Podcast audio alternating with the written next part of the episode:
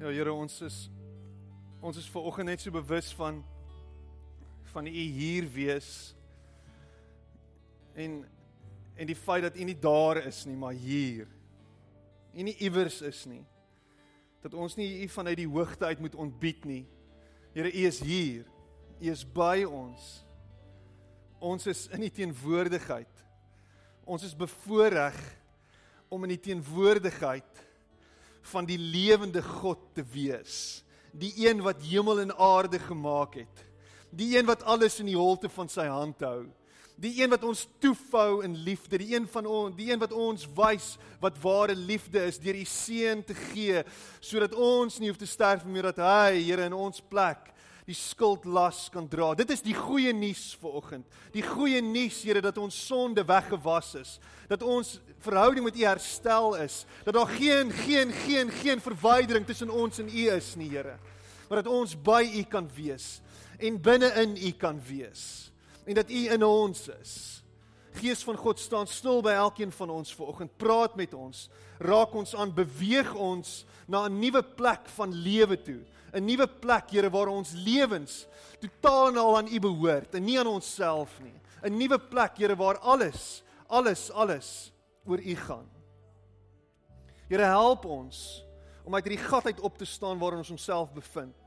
Help ons om uit hierdie modderput uit te kom. Trek ons uit, Here. Plaas ons daar waar U ons wil hê op 'n nuwe plek, 'n harde plek, 'n rotsagtige plek waar ons voete standvastig kan wees. En ek bid dit in Jesus naam en ek weet u hoor en u antwoord my want u is 'n lewende God, 'n lewende God. Amen. En amen. Jy kan sit.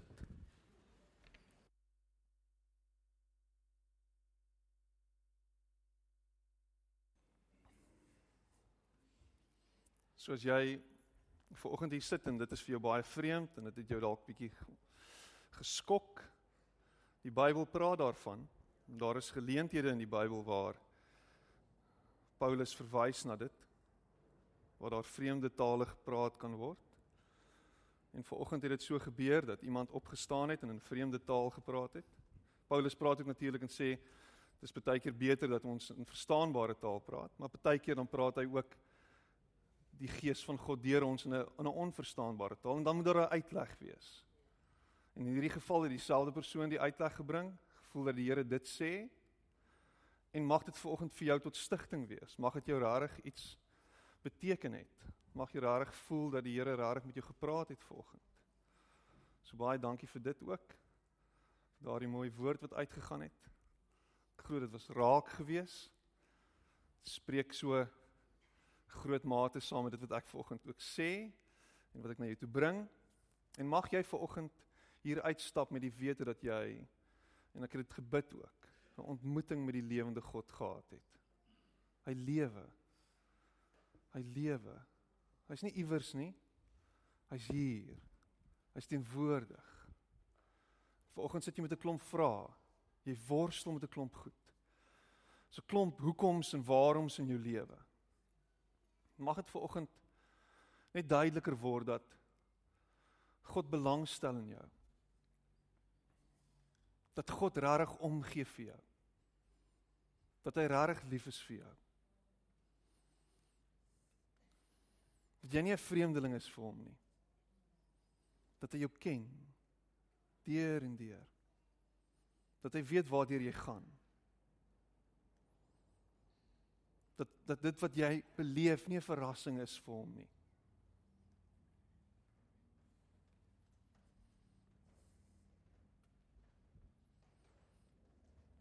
Kom ons blaai na na die eerste boek van Petrus toe.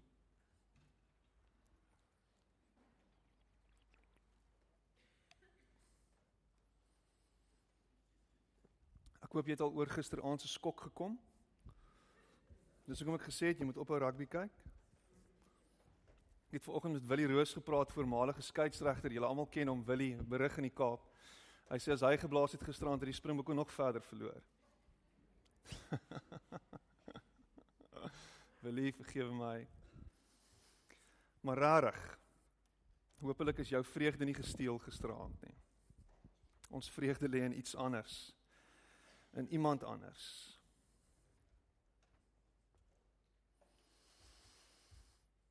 En miskien sit jy hierso. En jy wens dat dit wat deur jy gaan kan verander. Dat dit wat jy beleef net verby kan gaan. Dat die Here net in 'n oomblik al hierdie probleme, al hierdie issues net kan wegvat. Dis dis waarvoor jy hoop vanoggend. En ons sien dit mense sal tot great lengths gaan om om hierdie hierdie goeders weg van hulle af te vat. Om hierdie beproewinge en hierdie pyn en hierdie seer en hierdie angs net van hulle af te gryp. En hulle sal hulle sal geld gee. Hulle sal goed doen wat hulle dink hulle moet doen om om die Here op 'n manier te kry en sy arm te draai sodat hy kan beweeg. Sodat hy kan beweeg. Sodat hy net kan ingryp.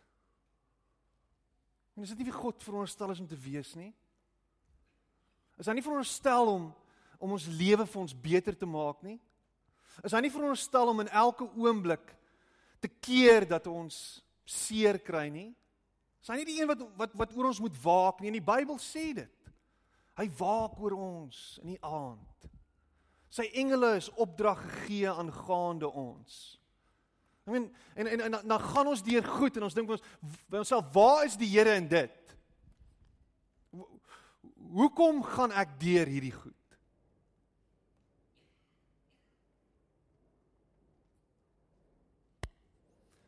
die afgelope tyd leer die Here my baie en ek ek, ek dink as jy kinders het dan verstaan jy dit dalk net soos wat ek dit verstaan maar vir my die afgelope tyd beleef ek daar's 'n vergrootglas op my as as ouer soos wat ek hier staan. En en elke nou en dan dan dan duik ek in die hek. Dan maak ek 'n fout. Elke nou en dan dan ooreageer ek. Elke nou, ek weet nie of ek is dalk net die enigste een. Elke nou en dan dan dan drop ek 'n 'n bal. Dan laat val ek die bal. Maar hierdie ene, hierdie storie is is oor Lise wat die afgelope tyd en ek praat nou oor haar en ek praat so 'n bietjie uit die huis uit. Sy het die afgelope tyd so maniere haar haar voete is nie lekker nie, haar beentjies lyk like dit vir my kom nie bly nie by en by die hele ding dat sy besig is om te groei nie. Haar maagspiertjies is nie so sterk nie. So sy sy het nou 'n nuwe 'n 'n nuwe naampie wat ons op 'n tydjie gee en dis loop en val. Daar was so ou Matthew Matthews Motswarato loop en val. Hy het altyd so snaaks gehardloop. Ek weet nie of jy hom kan onthou nie. Maar gelyk as vir enige oomblik gaan val. Nou Lise val actually. so gister gaan draf ons as gesinnetjie in die parkie. Ons almal draf teen 10 minute kilo En Lina hardloop op en af soos 'n wildsbok en Lise hardloop in 'n in 'n kwessie van 20 meter val sy 3 keer. En die derde keer toe dit gebeur, toe kan jy sien dis val verskriklik vernederend aan die een kant, maar aan die ander kant ook hoekom doen jy dit aan my?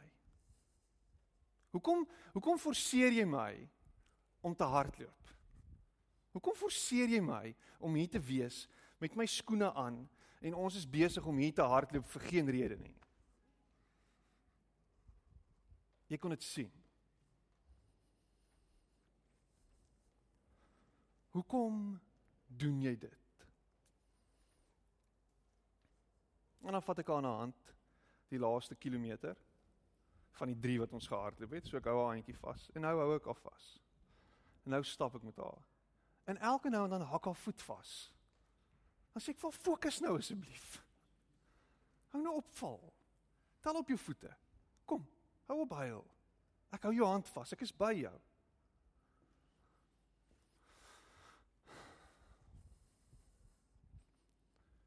Maar so gaan sy sterker word met ter tyd. So gaan sy op 'n plek aankom waar sy op haar eie gaan kan draf en alles gaan oukei okay wees en sy gaan dit baie geniet, glo ek. en dit gaan lekker wees vir haar. Ek beloof jou, dit gaan lekker wees. En ek wonder of ons besef dat die goed waardeur ons dalk nou gaan is ook goed wat ons uitleer en goed waardeur ons groei en goed wat vir ons voel asof dit te veel is dalk maar uiteindelik gaan dit gaan jy terugkyk na dit en jouself dink Wow. Look how far I've come. Kyk waar was ek gewees. Maar kyk waar's ek nou. Kyk hoe dinge verander.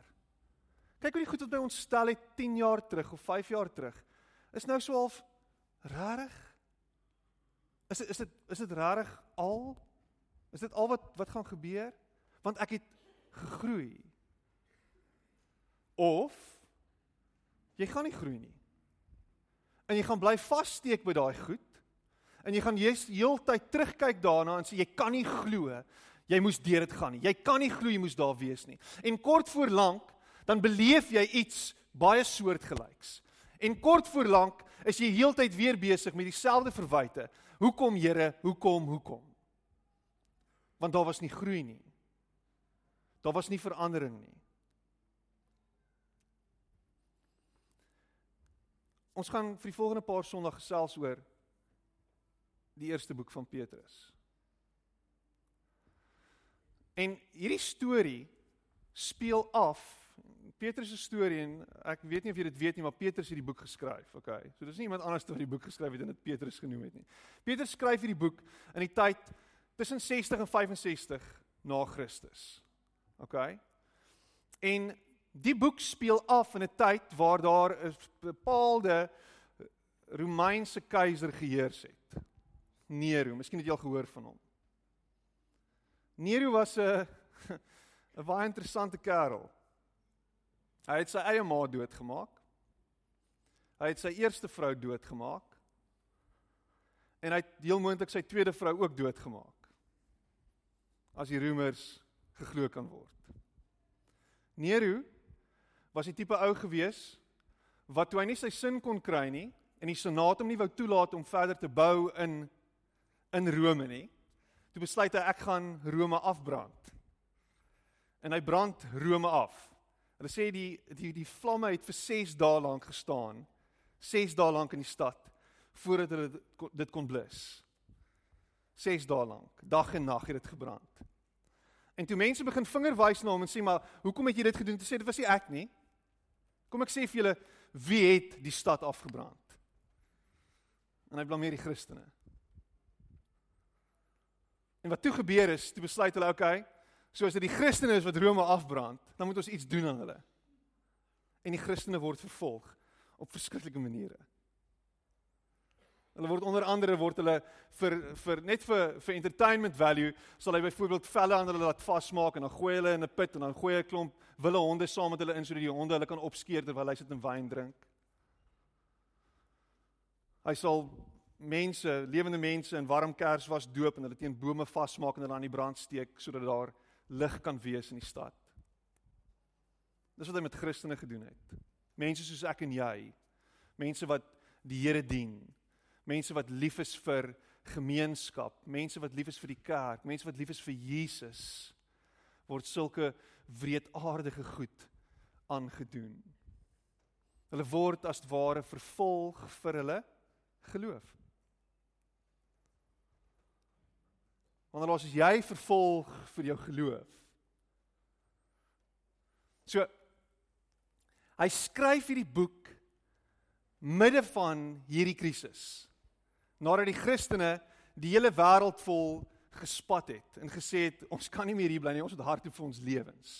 Skryf hy vir hulle hierdie vers En in spesifiek begin ek by 1 Petrus 1 vers 1 en nog nie 1 vers 6 tot 7 nie. Maar hy sê this letter is from me Peter, an apostle of Jesus Christ. I am writing to God's chosen people who are living as foreigners in the provinces of Pontus, Galatia, Cappadocia, Asia and Bithynia as foreigners. Hulle was letterlik was hulle uitlanders gewees. Letterlik was hulle vlugtelinge, maar hy het ook die woord wat hy gebruik in die Grieks is 'n woord wat verwys na mense wat glad nie behoort nie. Wat glad nie veronderstel is om daar te wees nie. Wat eintlik praat van 'n ander wêreld. Hy verwys na hulle as mense van iewers heeltemal anders af. Wat nie aan hierdie wêreld behoort nie. Wat nie van dieselfde koninkryk is nie. Wat nie deel is van die Romeinse ryk nie. En hy skryf dit vir my en vir jou vanoggend met hierdie selfde klem op ons wat uitlanders is. Ons wat uitlanders is, ons wat nie van hierdie wêreld is nie. Ons wat van 'n ander wêreld is. Ons wat 'n ander lewe lei. Ons wat ander beginsels het as hierdie wêreld. Wat omgekeerd kyk na hierdie wêreld. Wat sê dat ons nie dieselfde morele standaarde as hierdie wêreld het nie. Wat sê dat ons anders lewe met ons geld en doen met ons geld as wat hierdie wêreld doen. Wat anders met ander mense omgaan. Wat juis die vlugtelinge verwelkom. Wat juis besig is om ander mense op te hef en nie net na onsself te kyk en in onsself te dink nie, maar om te kyk hoe kan ek die lig van Jesus laat skyn in hierdie wêreld. Dis hierdie mense se ingesteldheid en dis na wie Petrus verwys en hy sê vir onthou wie jy is. Onthou wie jy is. As jy net soos hierdie wêreld dink, as alles wat jy doen gaan om jou eie selfbehoud, as alles wat jy doen gaan oor wat jy sien en reaksie op wat jy sien, dan is jy net so deel van hierdie wêreld. Maar ons kyk anders. Ons glo al sien ons wat aangaan. Ons glo al sien ons dat ons 'n president het wat rondspartel en skarrel om te kyk hoeveel kan hy nog plunder. Ons glo al sien ons hoe ons buurlande omval en omkap en hoe goed is net nog slegter gaan as wat dit kan gaan. Ek meen dat jy gedink dit kan nog slegter in Zimbabwe gaan, dit gaan nog slegter. Maar ons bly vashou aan hoop. Ons bly vashou aan 'n God wat sê dat moenie fokus op dit wat jy sien nie. Moenie vashou aan die koninkryk hier op aarde nie. Hou vas aan my koninkryk. Kyk met ander oë. Petrus bring hoop na mense wat hoop verloor het. Wat weggehardloop het. En wat sê, oh, "Kan dit nog slegter gaan?" Maar is ons geloof wat getoets word wanneer dit moeilik gaan en wanneer dit sleg gaan. En so 'n paar maande terug, julle ken ons storie, ons julle ken die storie van van Nina en hoe ons hoe ons van kleins af geweet het daar's iets anders aan haar spesifiek aan haar niere en haar haar urineweg en stelsel en alles wat daarmee gepaard gaan. En ons het gewonder hoekom. En as jy met Marlies praat dan sal sy vir jou sê sy het die fout by haarself gaan soek. Want sy het 'n kwessie gehad van van kleins af en nou het sy net een nier en nou kan dit wees dat die Here nou hierdie ding van my af oorvat na my eie kind toe. Hoe gebeur dit? Hoekom het ons deur hierdie goed gaan? Hoekom kan hy nie net hierdie goed van haar wegvat nie? Maar dan skryf Petrus hier in 1 Petrus 1 vers 6 tot 7 en hierdie is iets baie baie belangriks en jy kan dit daarop sit. Dankie Andrei. Jy's vanoggend op dit, op dit. So be truly glad. There is wonderful joy ahead, even though you must endure many trials for a little while. These trials will show that your faith is genuine. These trials will show that your faith is genuine. Ek wonder ver oggend of die van ons wat hier is, hier is vir die volgende rede. En dit is omdat ek regtig glo en van 'n heeltemal 'n oortuiging vanuit diep binne in my hart oortuig is daarvan dat God is wie hy sê hy is. In die week kom maar kom die skoolhoof na my toe en hy sê as jy Piet Venter ek sê ja. Hy sê nee, jy's nie Piet Venter nie, jy's Piet, jy's klein Piet sê hy. Ek sê ja, ek is klein Piet. Hy sê jou pa het altyd die ding gesê en dit is dis die weerste ding meneer Bester ken actually my pa. Hy sê hy het altyd dit gesê. Ek weet dat ek weet dat ek weet.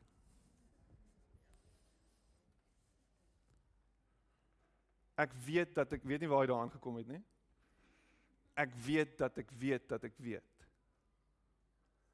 Is daai oortuiging in jou ingebou? Jy weet dat jy weet dat jy weet.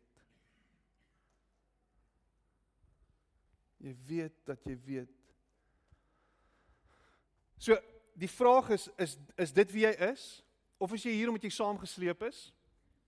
Nou is jy saamgesleep of jy's hier uit gewoonte uit. Jy kom hier na toe want hier's alright koffie. Ek dink is brilliant koffie. Koffie is amazing. En hier's oulike mense en 'n paar mooi meisies en 'n paar mooi ouens. En jy dink vir jouself dis eintlik lekker hierso. Geniet dit. Ek glo nie regtig goed wat hier aangaan nie. Petrus is besig om te sê dat die goed wat aangaan, die goed wat jy face, die goed wat wat wat jy sien, die goed wat aangaan in die wêreld, die goed wat jy deurgaan, die goed wat jy beleef, eerstens is die goed wat jou geloof toets. Toets. Jy word getoets. Jou geloof word getoets. Sodat ware geloof en hierdie oulik die laaste woord is baie oulik. These trials will show that your faith is genuine. Dat dit eg is. Dat dit die real deal is. Dat dit nie fake Dr. Martens is nie, maar die real deal. Dis 'n blaas from the past. Die real deal. Want daar is vals geloof en ons kan kyk daarna. Vals geloof. Ek dink die eerste een is is daai geërfde geloof. Ons het dit baie dit baie gesien. En ons het altyd gespot met 'n spesifieke kerkgenootskap. Ons wat in die AGS was, ons is ons is regte Christene, maar dan's daar ander kerke wat nie regte Christene is nie. En ek sal hulle nou nie noem nie, maar hulle is nie regte Christene nie. En hulle hulle gaan net kerk toe met hulle ouers van kleins af hulle saamgesleep het kerk toe. En dan iewers langs die pad dan word hulle aangeneem en voorgestel en dan kry hulle, soos hulle in hulle eie woorde sê, 'n wynlisensie. dan kan ek nagmaal gebruik. Dan het ek 'n wynlisensie. Geërfde geloof. My ouers glo en nou glo ek ook. Ek trou baie mense buite die kerk. Baie mense buite die kerk. En ek geniet dit want ek kry 'n geleentheid om in te spreek in hulle lewe want hulle gaan nie kerk toe nie. Maar as jy die vorm sien en hulle skryf daar wat is jou geloof, dan is 99% van hulle wat nie kerk toe gaan nie en wat nie deel is van 'n kerk nie, is Christene. We are Christians. Want ons gaan kerk toe as daar troues is en ons gaan kerk toe as daar begrafnisse is. En ons gaan kerk toe wanneer dit miskien Kersfees is of wanneer dit Paasfees is. Paasnaweek gaan ons almal kerk toe op Goeie Vrydag. Nie Sondag nie, Goeie Vrydag. Want Jesus het gesterf op Vrydag en Sondag is ek iewers anders. Wanneer hy opgestaan het, ja. So geërfde geloof. Jy het klein storieetjies gehoor, jy het dit geluister, jou ma het dit vir jou vertel by die skole. Ons wil nie hê Christendom moet uit skole uit weggevat word nie. Ons wil dit nie hê nie, want waar gaan die kinders blootstelling kry aan Jesus? By sy ma en pa. Nee, apparently nie. Die onderwyser is veronderstel om ons kinders te leer van Jesus. So ons skop en ons beklei teen hierdie hele ding dat Christendom moontlik uit skole uitgevat kan word. En ek stem saam, ja, dis dit gaan nie great wees as dit uitgehaal word nie. Maar is dit ware geloof? Wanneer kinders gespoon-feed word oor Jesus. Dit word basically dit. 'n Geërfde geloof. En ons word hierdie Christen nasie. Ons is 'n Christen nasie apparently, as jy gewonder het, waar 52 mense per dag doodgemaak word. Waar korrupsie seevier. Ons is 'n Christen nasie.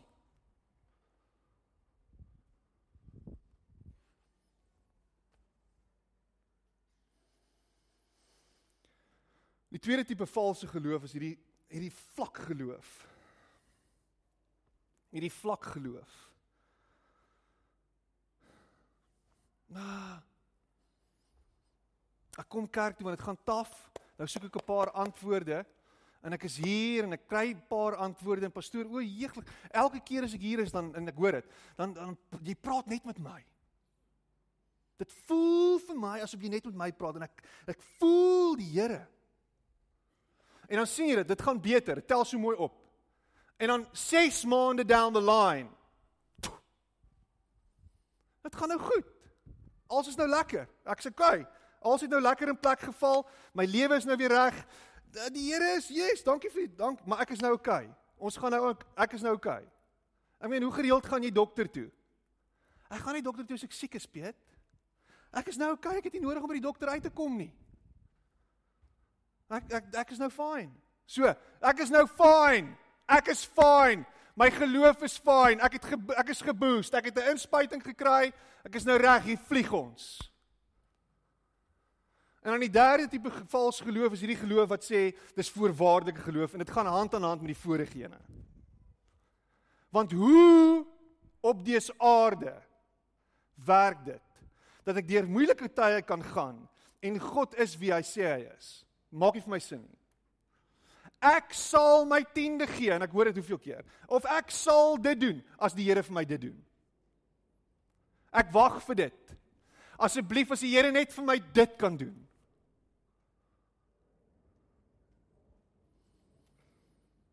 Ek bid onlangs vir iemand. Bid onlangs vir iemand. Maar ek bid met hierdie ding wat oor my kop hang van as my pa nie gaan gesond word nie, gaan ek ophou glo.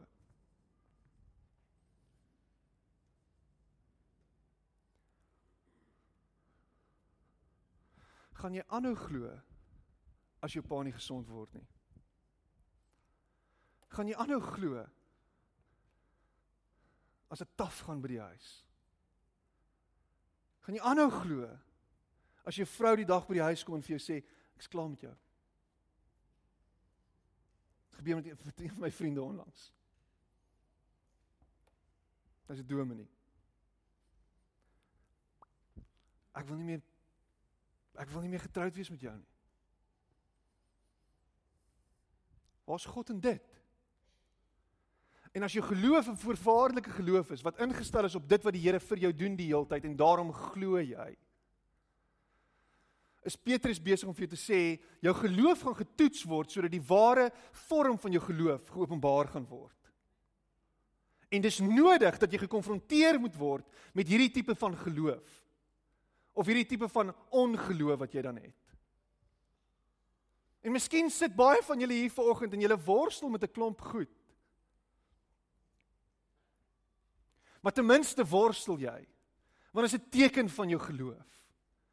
Dis 'n vorm van jou geloof om te sê ek worstel, Here. Ek worstel, ek verstaan nie. Ek gaan nie wegstap nie. Ek kan nie wegstap nie, want diep in my hart is daar 'n oortuiging dat U is wie U sê U is, maar ek verstaan nie hoekom ek deur hierdie goed moet gaan nie. Worstel, maar moenie wegloop nie. Dis my woord vir oggend vir jou. Worstel, maar moenie wegloop nie. Job het alles verloor. Ag, dis so ou klise. Job se storieetjie. Kan die pastoor nie net 'n ander voorbeeld gebruik as Job nie? Job se voorbeeld is redelik staan deur die toets van tyd. Kom ek sê vir jou, Job het alles verloor en nog meer. Alles, sy kinders, alles, alles, alles, sy donkie, sy hasie, sy hamster, alles. Alles. Maar hy stap nie weg van God af nie. Hy worstel met hom. Hy worstel met hom. Hy struggle, hy verstaan nie. Totdat sy vrou vir hom sê: "Man, vloek God en sterf, maak jouself dood." Dankie my dierbare vrou. Dankie vir jou liefde en verstaan en omgee.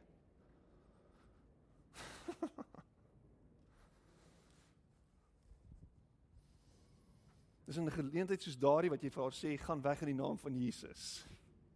Dis die enigste rede wat jy dit kan doen en vir jou vrou dit kan sê.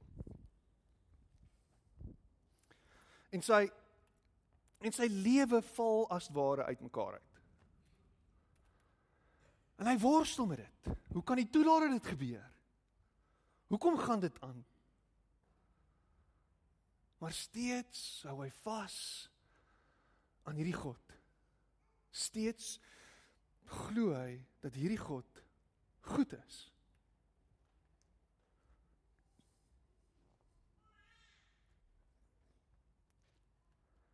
Hierdie goed toets jou. Gaan jy bly vashou? Gaan jy bly vashou? Gaan jy bly vashou? Ek deel hierdie week iets wat rarig met my gepraat het. En Brennan Manning skryf dit en hy skryf hy het 'n boek geskryf oor genade Um jy kan sy naam gaan opslaan Brennan, nie Brendan nie, Brennan Manning. Ek dink hy's 'n uur. to be grateful is nie op is nie op die bord nie. to be grateful for an unanswered prayer, to give thanks in a state of interior desolation, to trust in the love of God in the face of the marvels, the cruel circumstances, obscenities, and commonplaces of life, sê hy so is, is to whisper a doxology in the darkness. Is to whisper a doxology, doxology in the darkness. Is om God te eer en te prys in die donker.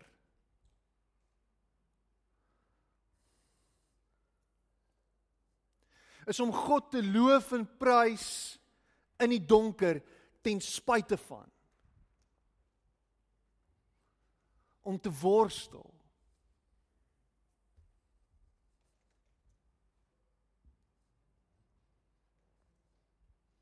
Daar's die storie in the Chronicles of Narnia. C.S. Lewis skryf dit. En ons het die hierdie leeu, en miskien het jy dit al gesien, die die flieks van 'n flieks gemaak, maar daar's boeke daaroor geskryf. C.S. Lewis het dit geskryf, vriend van Tolkien wat ehm um, ek weet nie eens wat Tolkien geskryf het nie. Miskien het jy al gehoor van J.R.R. Tolkien. Anyway, so hy skryf hierdie boek in in in die leeu se naam is Aslan en Aslan sit en is die, die metafoor vir Jesus. En hy sit voor hierdie seentjie wat hoor en wat weet wie Aslan is, hierdie magical leeu wat goed kan doen. En die seentjie kom na hom toe en en huil voor hom en sê my ma is besig om dood te gaan. Jy moet asseblief iets doen. En Aslan huil en en en hierdie seentjie huil en sy ma moet gesond word. Maar Aslan is doodstil. Al wat hy doen is Hy sit en kyk die seentjie aan. Die seentjie weet dit nie want hy's heeltyd besig om vir sy voete te kyk. Hy's heeltyd besig om vir die voete van Aslan te kyk en dan iewers in hierdie hele smeking en hierdie huil en hierdie vra asseblief doen iets vir my ma, kyk hy op na Aslan en hy kyk in sy gesig en die skrywer skryf hoe die trane rol oor Aslan se gesig.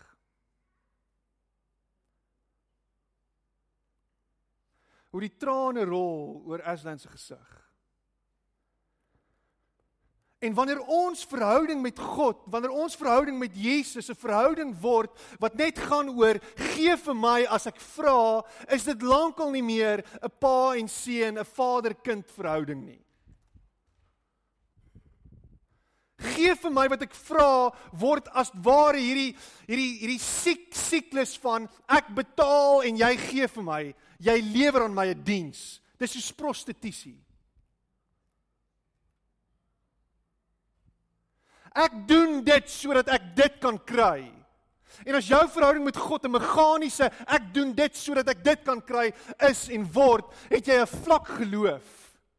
Ek wil so ver gaan om te sê jy glo nie.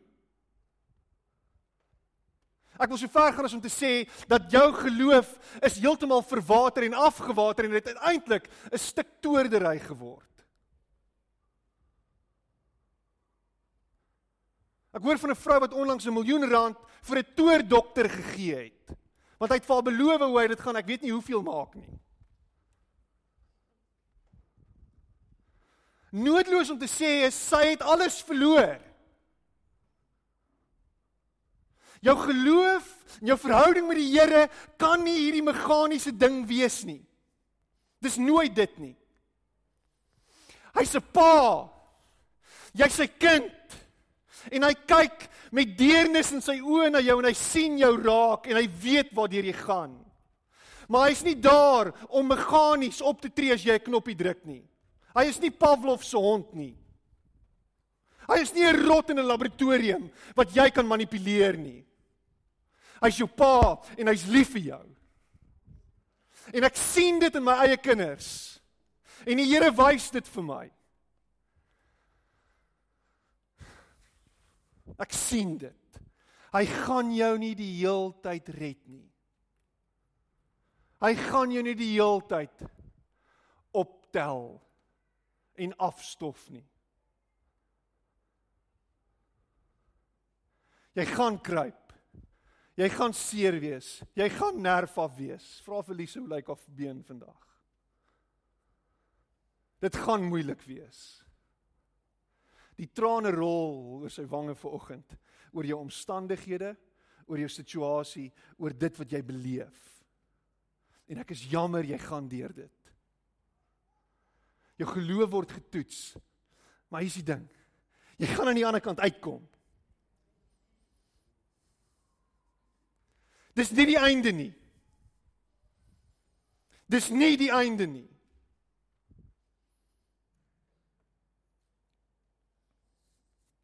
Kom ons gaan aan. Hoe gebruik God toetse? Ek weet nie jy moet daai punt opsit, ek kan hom nie onthou nie.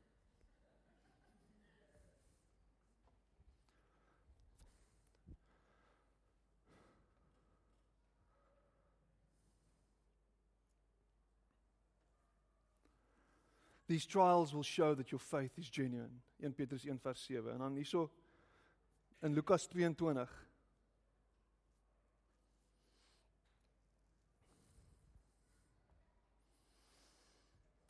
Simon, Simon. Vers 31 tot 32. Lukas 22 vers 31 tot 32. Simon, Simon, Satan has asked to sift all of you as wheat, but I have prayed for you, Simon, that your faith may not fail. And when you have turned back, strengthen your brothers. Petrus skryf hierdie storie, hierdie hierdie brief aan sy volgelinge aan Christene reg oor die wêreld 65 na Christus. Maar Petrus was nie dieselfde Petrus gewees 20 of 30 jaar van tevore nie. Petrus was 'n was 'n bietjie van 'n animal gewees. Bietjie van 'n loose cannon. Petrus was die ou wat die swaard uitgepluk het om Malgas se oor te kap of sy kop af te kap en toe kap hy net sy oor af. Petrus was die ou gewees wat Jesus 3 keer verloon het. Petrus was die ou wat raf en tumble was. Petrus was daai ou. En Jesus kom en hy sê Petrus ek weet wie jy is. Ek sien jou maar ek bid. Ek bid dat jy staande sal bly. Hoe hoe hoe beautiful is dit dat die seun van die mens, die seun van God intree vir Petrus. En vir hom sê ek bid dat jou geloof dat jou geloof nie sal falter nie. Dat jou geloof nie sal faal nie. Dat jou geloof nie sal misluk nie. Dat jou geloof sal staande bly. Deur al hierdie goed wat gaan kom. Ek bid vir jou. En miskien is daar iets wat gebeur in God se genade dat hy vir onsself en die woord sê dit so mooi dat die Gees self vir ons intree. Is dit nie mooi nie?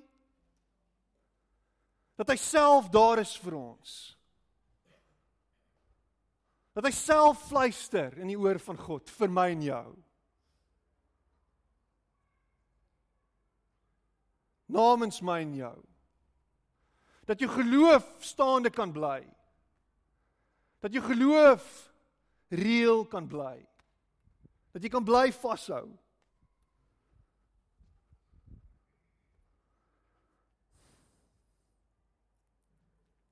En later jare sien jy hoe Petrus verander het en hy word hierdie groot As Christendom gaan oor hierdie mooi idee dat ek 'n klomp goed kan kry en ek het klaar dit gebash vanoggend. Dit gaan oor allerlei goedjies wat nou gaan beter gaan vir my en ek is nou deel van die kingdom en ons gaan kingdom principles in my lewe inbou en dan gaan my lewe beter gaan, dan mis jy die punt. Christendom, die goeie nuus, evangelie, evangelion gaan net oor die volgende ding en dit is dat daar vergifnis vir ons sonde is deur die bloed van Jesus. Dit is waar dit gaan. Die enigste garantie wat jy het is dat jy gered sal word van jou sonde. Dis dit. Dis die goeie nuus. Die goeie nuus is nie dat jy gered gaan word van moeilike tye in jou lewe nie. Die goeie nuus is nie dat jy noodwendig gaan gesond word van jou siekte nie. Die goeie nuus is nie dat jou bankrotskap gaan herstel word en jy gaan ryker as Job word nie. Die goeie nuus is nie dat jy 'n blink nuwe kar gaan ry nie. Die goeie nuus is nie dat jy 'n pragtige nuwe vrou gaan kry nie. Die goeie nuus is nie dat jy 12 kinders op 'n streep gaan hê nie. Die goeie nuus is nie dat jy die beste werk in die wêreld gaan hê nie. Die goeie nuus is nie dat jy Springbok gaan speel omdat jy aan Jesus behoort nie. Die goeie nuus is nie dit nie. Het ek dit hard genoeg gesê vanoggend? Die goeie nuus is Jesus Christus, dis al. Die vraag is, hou jy vas aan hom of hou jy vas aan allerlei ander goeders wat jy dink oor hom gaan? Dan mis jy dit. Dit gaan net oor Jesus. Dit gaan net oor Jesus. Daai goed is added on. Boom. En dit kom as wat genade. Onverdienstelike genade van die Vader af. Jy verdien dit nie jou perd. Daai talente wat jy het, kom nie van jou af nie. Kom nie van jou ma en jou pa af nie. Dankie tog. Kom van Jesus af. Dit kom van Jesus af. Dit kom van hom af. En die enigste waarborg wat jy het in hierdie lewe is dat Jesus jou gaan red en dat jy sy kind is. Dat jy aan hom behoort. Dat sy bloed jou skoon gewas het. Daar's die waarborg. Die res is 'n bonus. En ek moet vir jou sê, ek hou van die initial aanbieding. Dis goed genoeg vir my. Hou op twyfel in dit. Hou op twyfel in hierdie idee dat jy gered is. Jy is gered. As jy jou oë iewers na hom toe gedraai het en jy van gesê het, Here, ek volg U, ek kies U, dankie dat U my verlos het en my skoon gewas het. Is jy se kind? Die ander, die res is 'n bonus. My geloof hang nie af van dit wat ek sien nie. My geloof is in wie God is. Dis waar my geloof lê. My faith isn't based on what I see. My faith is based on who God is. And He is a good, good Father. That's who He is. And I'm loved by Him. That's who I am. That's who I am. Kom ons sit net so en bid ons saam. Here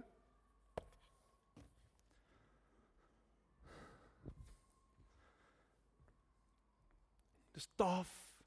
Dis moeilik.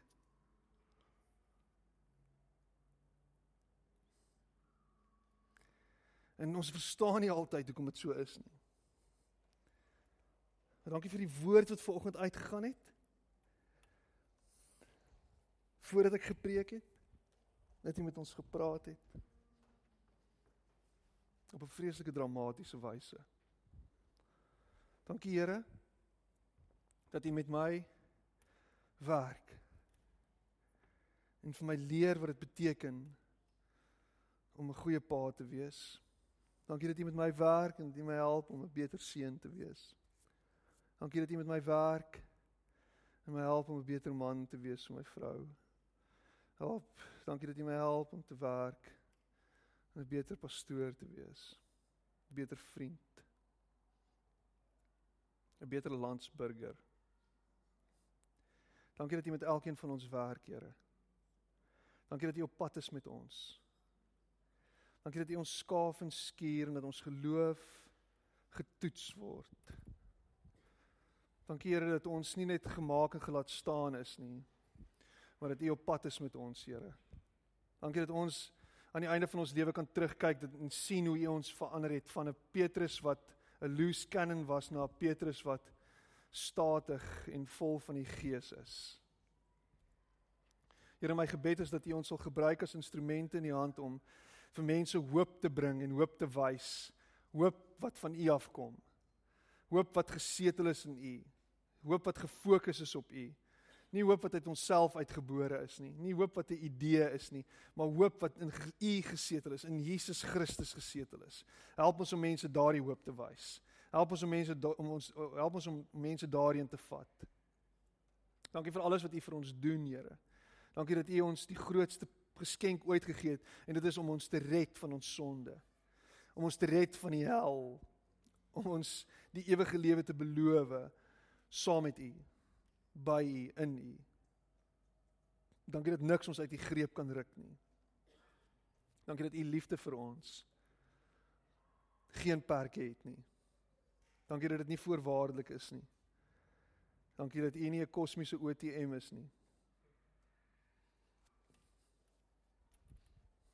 Ek prys U daarvoor. Amen. Amen.